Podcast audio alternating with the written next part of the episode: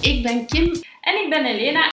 en samen vormen wij Team Lumière. Onze missie met Team Lumière is om mensen die voelen dat ze iets te bieden hebben aan de wereld, maar hier stevast vastlopen en tegen zichzelf aanlopen, te ondersteunen om echt hun licht te laten stralen.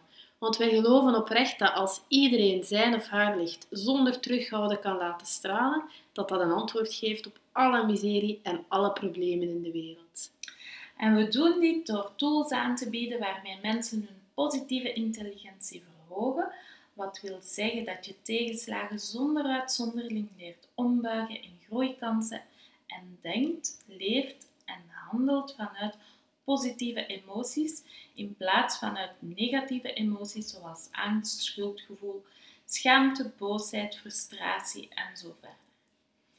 Dit doen we onder andere in onze Mental Fitness Academie, de virtuele plek waar jij je mentale spieren kan trainen, maar ook via workshops, individuele coaching en traumatherapie en natuurlijk deze podcast.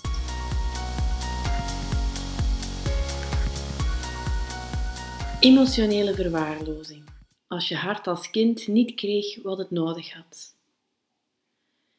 Fysieke mishandeling, emotionele mishandeling, seksueel misbruik. Het zijn thema's waar ik vrijwel dagelijks mee te maken krijg. Dit is vaak, niet altijd, maar jammer genoeg erg vaak, de onderliggende oorzaak van de issues rond zelfvertrouwen waar mijn cliënten vandaag de dag tegenaan lopen. Ze hebben als kind geen of veel te weinig onvoorwaardelijke liefde ontvangen, waardoor ze geleerd hebben om zichzelf niet graag te zien. Elk kind wordt immers met een gezonde dosis zelfliefde geboren. Als we het moeilijk vinden om onszelf graag te zien, dan is dit omdat we dit tijdens ons leven aangeleerd hebben. Maar naast deze vreselijke vormen van kindermishandeling die niemand zou mogen meemaken, is er nog één die we echt niet mogen onderschatten, namelijk emotionele verwaarlozing. Wat is nu juist emotionele verwaarlozing? Emotionele verwaarlozing wil zeggen dat je als kind niet de aandacht, liefde, erkenning en waardering hebt gekregen die je nodig had om gezond te ontwikkelen en op te groeien. Als kind is de erkenning en liefde die we krijgen van onze ouders de belangrijkste voedingsbron voor de ontwikkeling van onze zelfwaarde. Als we hier niet voldoende van ontvangen, dan zal onze zelfwaarde zich niet volwaardig ontwikkelen. Net zoals onze groei negatief beïnvloed wordt als we onvoldoende eten en drinken krijgen. Emotionele verwaarlozing is een stille moordenaar. Het gaat om de afwezigheid van iets, waardoor het veel minder duidelijk en opvallend is. Mensen die het slachtoffer zijn van emotionele verwaarlozing hebben dan ook vaak de neiging om wat hen overkomen is te minimaliseren. Zeker als op materieel vlak wel alles beschikbaar was. Het was toch niet zo erg? Er zijn mensen die veel ergere dingen hebben meegemaakt. Ja, maar ik ben nooit geslagen of zo, zijn uitspraken die erg vaak naar voren komen. Desalniettemin zijn de gevolgen van emotionele verwaarlozing absoluut niet te onderschatten. Wat zijn die gevolgen nu precies? Er zijn enkele typische symptomen die gepaard gaan met emotionele verwaarlozing, namelijk overgevoeligheid of net afgesneden zijn van je emoties, gevoelig zijn voor verslavingen, zeer streng en hard zijn voor jezelf, jezelf niet graag zien, saboterende patronen zoals perfectionisme, people pleasen, overpresteren, controledrang, ontwijkend of uitstelgedrag, een aanhoudende leegte binnen, overheersende gevoelens van eenzaamheid en gevoelig zijn voor afwijzing. Ik ga nu graag wat dieper in op elk van deze symptomen. Als kind gebruiken we onze ouders als spiegel om te leren omgaan met alle emoties die we ervaren. De manier waarop onze ouders met emoties, zowel die van zichzelf als die van jou als kind, omgaan, is ons voorbeeld om om te gaan met onze eigen emotionele wereld. Als je ouders zelf, om welke reden dan ook, emotioneel niet of minder stabiel zijn, dan heeft het dus een erg grote impact. Emotionele verwaarlozing heeft dan ook erg vaak als gevolg dat je worstelt met emoties. Dit kan zich uiten in overgevoeligheid aan de ene kant, ofwel het afgesneden zijn van je emoties langs de andere kant, of een combinatie van twee. Het laatste gaat vaak gepaard met een verhoogde gevoeligheid voor allerhande verslavingen, zoals drank, drugs, seks, schokken, gamen, werken, die vaak helpen om tijdelijk de emoties af te vlakken, maar ons des te vatbaarder maakt eens de roes is uitgewerkt. Als je emoties als kind geen ruimte kregen omdat je ouders met te veel andere dingen bezig waren, zoals werk, of omdat ze worstelden met zichzelf, bijvoorbeeld door psychische problemen of moeilijke omstandigheden zoals een echtscheiding, omdat ze de lat zodanig hoog legden en altijd perfectie van je verwachten, dan heeft dit een erg grote impact op je zelfwaarde. Het gebrek aan erkenning, liefde en afstemming zorgt ervoor dat je als kind het gevoel ontwikkelt dat er iets mis is met jou. Je voelt je niet geaccepteerd in je volle zijn, wat vaak resulteert in een erg strenge innerlijke rechter. Je leert dus als het ware om streng en hard te zijn voor jezelf en jezelf niet graag te zien. Saboterende patronen zoals overpresteren, perfectionisme, people-pleasen, controledrang steken de kop op. Maar ook ontwijk- en uitstelgedrag kunnen zich hierdoor manifesteren. Je leeft continu met de onderliggende gedachte niet goed genoeg te zijn, geen liefde waard te zijn, een last te zijn enzovoort, waardoor je leven vaak een hele struggle wordt. Iets wat telkens terugkomt als ik werk met mensen die het slachtoffer waren van emotionele verwaarlozing, en iets wat ik ook bij mezelf herken, is het gevoel een leegte in zich te dragen die nooit gevuld lijkt te kunnen worden. Alsof er een groot zwart gat in je zit dat oneindig diep is. Je hebt zo hard geleerd om jezelf niet graag te zien dat liefde iets gevaarlijk wordt. Het past niet in de overtuiging dat je geen liefde waard bent. Dus elke vorm van liefde die toch binnenkomt, verdwijnt in het alles opslokkende gat. Hoe graag je het ook wil bijhouden of omarmen, het gat is onverbiddelijk. Ik denk dat dit een gevoel is dat je niet kan begrijpen als je het niet zelf ervaren hebt.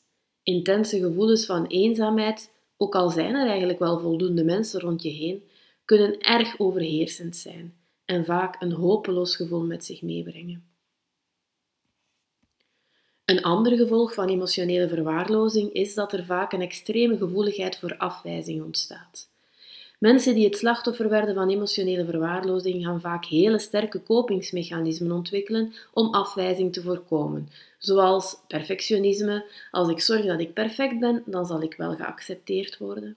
People pleasen, als ik continu zorg voor anderen en met anderen bezig ben, zal ik wel geaccepteerd worden. En overpresteren, als ik continu presteer, zal ik wel geaccepteerd worden. Dit zorgt ervoor dat je continu gefocust bent op jezelf bewijzen, wat natuurlijk erg zwaar doorweegt en voor heel wat overmatige stress zorgt. Bovendien valt afwijzing natuurlijk niet helemaal te vermijden, en als het niet van buitenaf komt, dan zal je innerlijke rechter wel zorgen dat je je afgewezen voelt, wat vaak heel hard binnenkomt en het gevoel van eigenwaarde nog meer onderuit haalt. Wat kan je nu doen als je emotionele verwaarlozing hebt meegemaakt? Zoals ondertussen wel duidelijk is geworden, de impact van emotionele verwaarlozing valt absoluut niet te onderschatten. Indien je hier niet mee aan de slag gaat, heeft het vaak een zeer destructieve impact op heel wat aspecten van je leven, zoals je liefdesrelaties, je relatie met je kinderen, je carrière, je vriendschappen enzovoort. Het is echter absoluut mogelijk om die destructieve impact tegen te gaan. Als je slachtoffer was of bent van emotionele verwaarlozing, is het cruciaal om eerst en vooral ruimte te maken voor het gemis dat je ervaren hebt. Dit begint vaak met het benoemen van de emotionele verwaarlozing as such en het erkennen van het feit dat je een slachtoffer bent. Jarenlang heb je immers jezelf als oorzaak van alle problemen gezien, waardoor je geen ruimte hebt gelaten voor alle negatieve emoties die je ervaren hebt, zoals verdriet, boosheid, woede, pijn, teleurstelling enzovoort. Dit zijn wondes die aandacht, zorg, mildheid en liefde vragen, zodat ze stap voor stap kunnen helen. En erkennen dat deze wondes er zijn, is hierbij een eerste cruciale stap. Een van de onderdelen van deze stap in mijn begeleidingen is contact leggen met de kleine versie van jezelf, wat ook wel eens innerlijk kind genoemd wordt.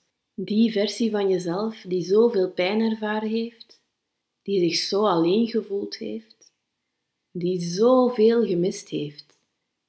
Laten weten dat je zijn of haar pijn erkent en dat hij of zij niet langer alleen is.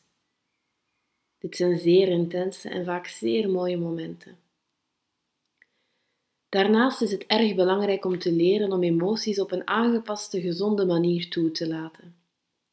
Je moet je systeem leren dat emoties veilig zijn en er nu wel ruimte is om deze er te laten zijn. Dit is niet zozeer een cognitief verhaal of iets dat je moet weten met je hoofd, dan wel iets dat je lichaam op een meer onbewust niveau moet ondervinden. Leren emoties omarmen en toelaten als dit vroeger niet veilig was, is een hele uitdaging en doe je best met de nodige professionele begeleiding. En last but not least, leren om jezelf graag te zien. Zoals ik al vernoemde, wordt elk kind zonder uitzondering geboren met een gezonde dosis zelfliefde. Het is dus iets wat je ooit kon, maar dat heel erg diep verborgen ligt onder dikke lagen negatieve overtuigingen over jezelf die je gaandeweg eigen gemaakt hebt. Het is belangrijk om stap voor stap die lagen bloot te leggen. Zo begin je stap voor stap het onderscheid te zien tussen enerzijds je rechter en saboteurs, die zich doorheen de jaren als een harnas rond je hebben gevormd, en je kern, je ware ik, anderzijds. Ook dit is vaak een intens en langdurig proces, maar wel een proces waarbij elk stapje je iets moois brengt, je wat dichter brengt bij het herontdekken van jouw innerlijk licht en het ervaren van onvoorwaardelijke liefde voor jezelf. Helen van emotionele verwaarlozing. Het is niet iets wat je doet tussen de soep en de patatten. Het is een intens en langdurig proces waar je jezelf echt ook de nodige hulp bij mag gunnen. Iets wat ik bewust benadruk, want door het gebrek aan zelfwaarde heb je vaak de neiging om hulp te vermijden. Maar het aangaan van dit proces brengt zoveel moois en zoveel diepgang in je leven dat het echt meer dan de moeite waard wordt. Herken je jezelf in deze podcast? Weet dan dat ook jij niet met deze zware last hoeft te blijven rondlopen en er ook voor jou mogelijkheden zijn om hiermee aan de slag te gaan. Plan gerust een vrijblijvende take-off sessie in, waarin we luisteren naar jouw verhaal en samen met jou kijken wat we voor jou kunnen betekenen. Je bent echt meer dan welkom.